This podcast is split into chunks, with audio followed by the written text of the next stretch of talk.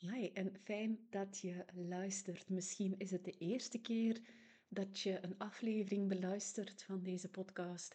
Misschien heb je al enkele afleveringen gebinge luisterd of volg je wekelijks of om de zoveel tijd een aantal aflevering, afleveringen.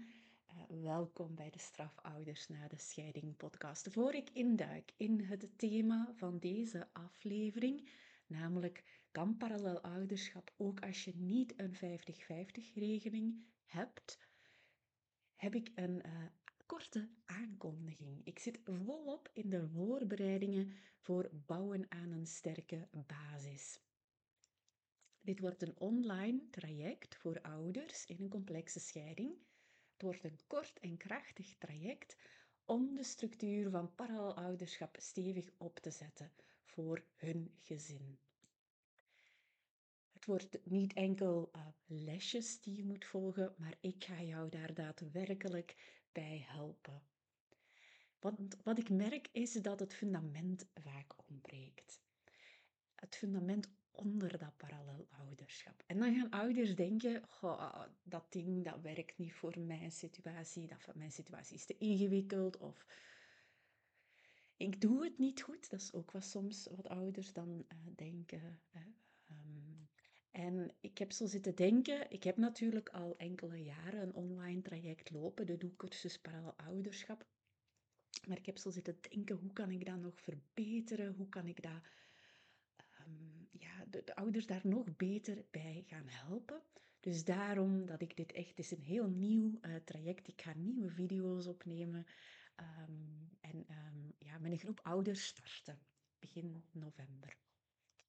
En wanneer ik, dus ik heb in de voorbije jaren gemerkt, wanneer ouders met mij samenwerken aan dat fundament, aan die basis, dan komt de structuur van parallel ouderschap als vanzelf. Dan moet ik daar weinig instructie over geven of uitleg. Ze vinden hetzelfde, ouders. Ze vinden zelf dan die structuur passend voor hun stijl, voor hun situatie, voor ja, concrete dingen die mogelijk wat anders zijn dan bij een ander. Ik geef maar een vast voorbeeldje. Stel dat je kind heel veel zorgen nodig heeft, psychisch of fysiek. Dat is dus een, een specifieke situatie. Ja, dan gaat het er anders uitzien. Dus aan die basis ga ik met een groep ouders aan de slag gaan dit najaar dat wou ik aankondigen en ik wou ook zeggen, als je interesse hebt, kan je aanmelden voor de wachtlijst. Ik ga met die wachtlijst, ik, ben, ik heb gisteren een mailtje gestuurd naar hen. Ik ga daar ook um, de komende maand superleuke dingen mee doen. Ik ga een aantal video's met hen delen, ook um, met de ouders die op die wachtlijst staan.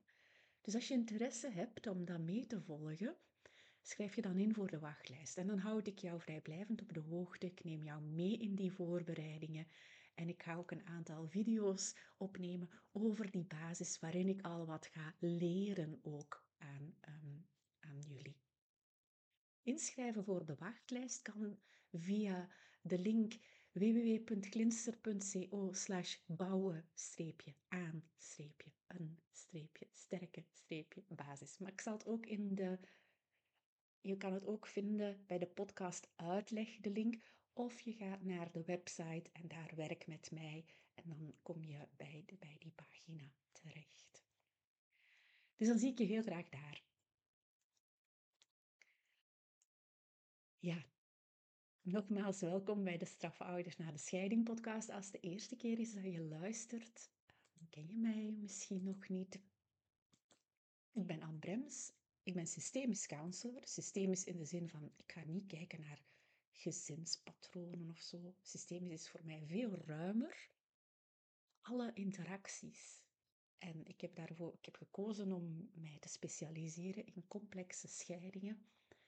Dus ik help ouders om daar rust en houvast in te vinden. In zo'n ongewone situatie.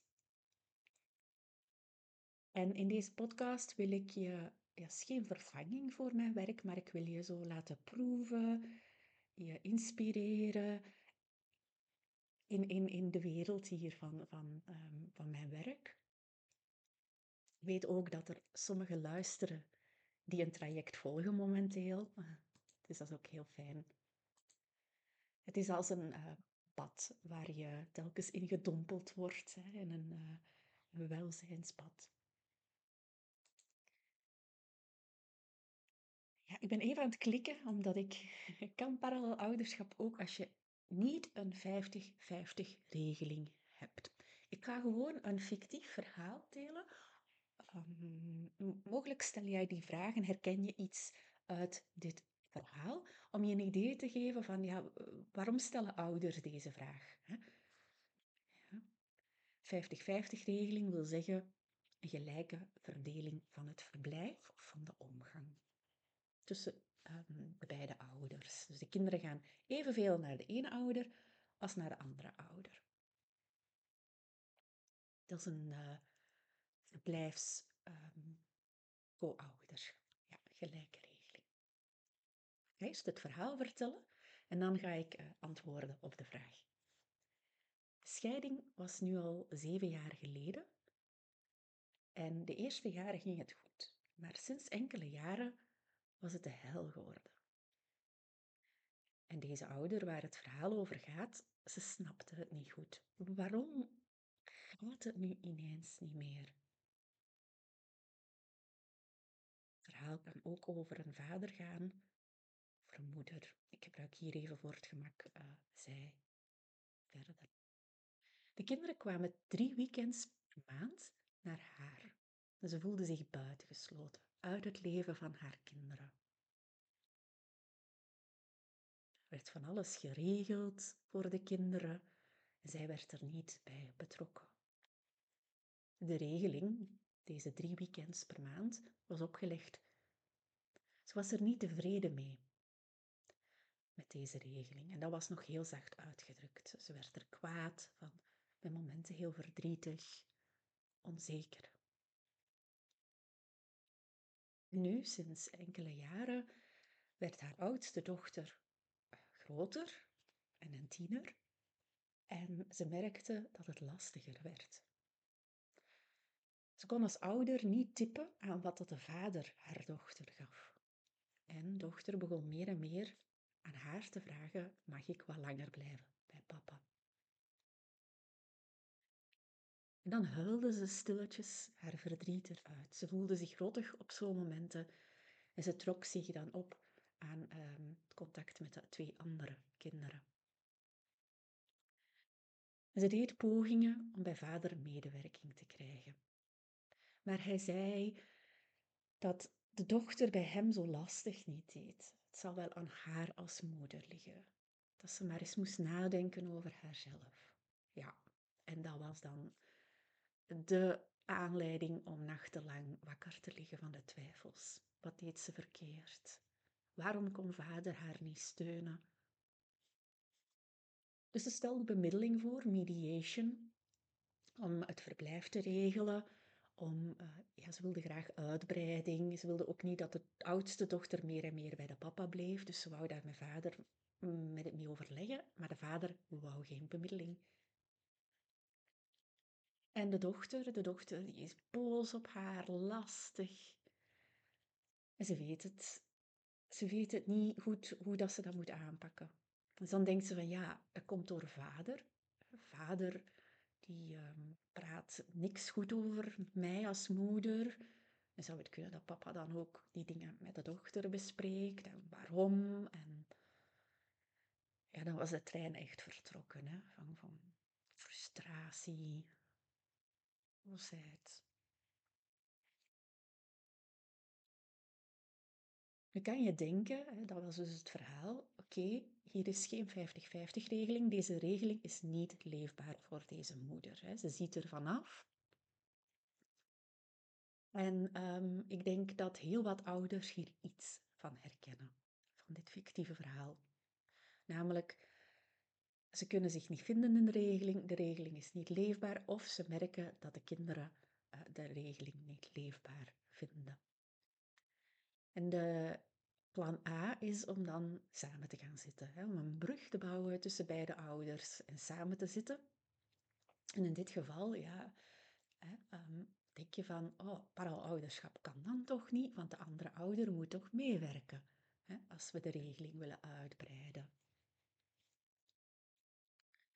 Voor mij maakt het niet uit hoe de regeling is. Of die nu 2, 2, 3, 3, 5, 4, 5, 4, 9, 4, nee, 9, 5, um, week, week, uh, één weekend om de maand. Um, ja, ik heb de voorbije jaren alle kleuren en vormen van regeling um, zien passeren. Wat voor mij wel belangrijk is, is of die regeling leefbaar is voor iedereen. En als dat niet zo is, dan help ik de ouder om die regeling leefbaarder te maken. En dan denken ouders soms, ja maar aan, daar heb ik toch overleg met de andere ouder voor nodig. Zo zei een ouder mij een paar weken geleden, ik voel me onvrij daardoor. Wel, je hebt geen goede communicatie tussen elkaar als ouders nodig om de regeling leefbaar te maken. Je hebt daar ook geen instanties of externe voor nodig. Dat kan soms helpen en soms ook niet. Dus ik heb geen algemeen advies daarover.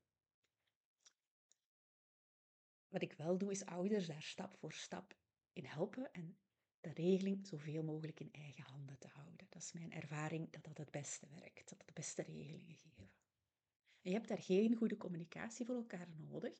Dus die structuur van paralouderschap, die helpt voor iedere regeling. Omdat ik onder, dat onder dat, die structuur, onder die, eh, als je nog niet weet wat paralouderschap is, dat is dat, uh, dat er zo weinig mogelijk contact is tussen beide ouders. Daar zit iets onder, dat veel belangrijker is dan dat niet, geen contact met elkaar, als je nog mee bent met mij. Hè?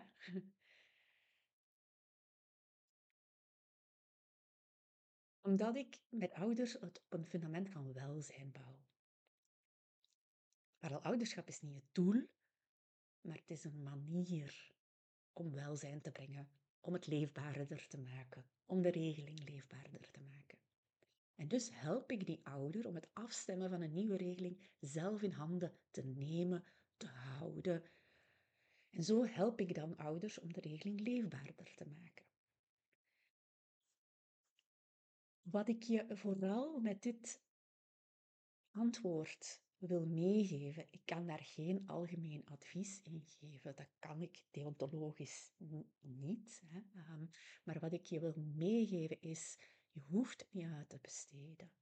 Je hoeft je er ook niet bij neer te leggen als de regeling onleefbaar is. Je kan het zelf in handen nemen, houden, ook al is er dat hoogconflict. Dat wil niet zeggen dat ik zeg van je moet je neerleggen bij dat hoogconflict en dergelijke. Wij gaan daar dan um, op een bepaalde manier met de muur van parallel ouderschap gaan we daarmee aan de slag. Dus wat ik je wil meegeven, ik ga het nog eens eventjes in andere woorden zeggen, is het kan. Ook bij hoog conflict. Of hoe je die ellendige communicatie of dat gedoe of die modder of die beschuldigingen ook wil noemen. Ik noem dat het hoogconflict. Het kan. Je kan de regeling leefbaarder maken. Ook al zie je het op dit moment niet. Ik zie dat altijd voor mij. Ik zie altijd die hoop Ehm, dus dat wil ik jou meegeven, dat het wel mogelijk is. Voilà, dat was het voor deze week. Ehm, volgende week de vraag die ik ook vaak krijg gesteld over parallel ouderschap is: ik doe parallel ouderschap, ik handel ernaar, maar ik voel geen rust. Komt dat aan? ja, daar ga ik volgende week op antwoorden. Graag tot dan. Doei!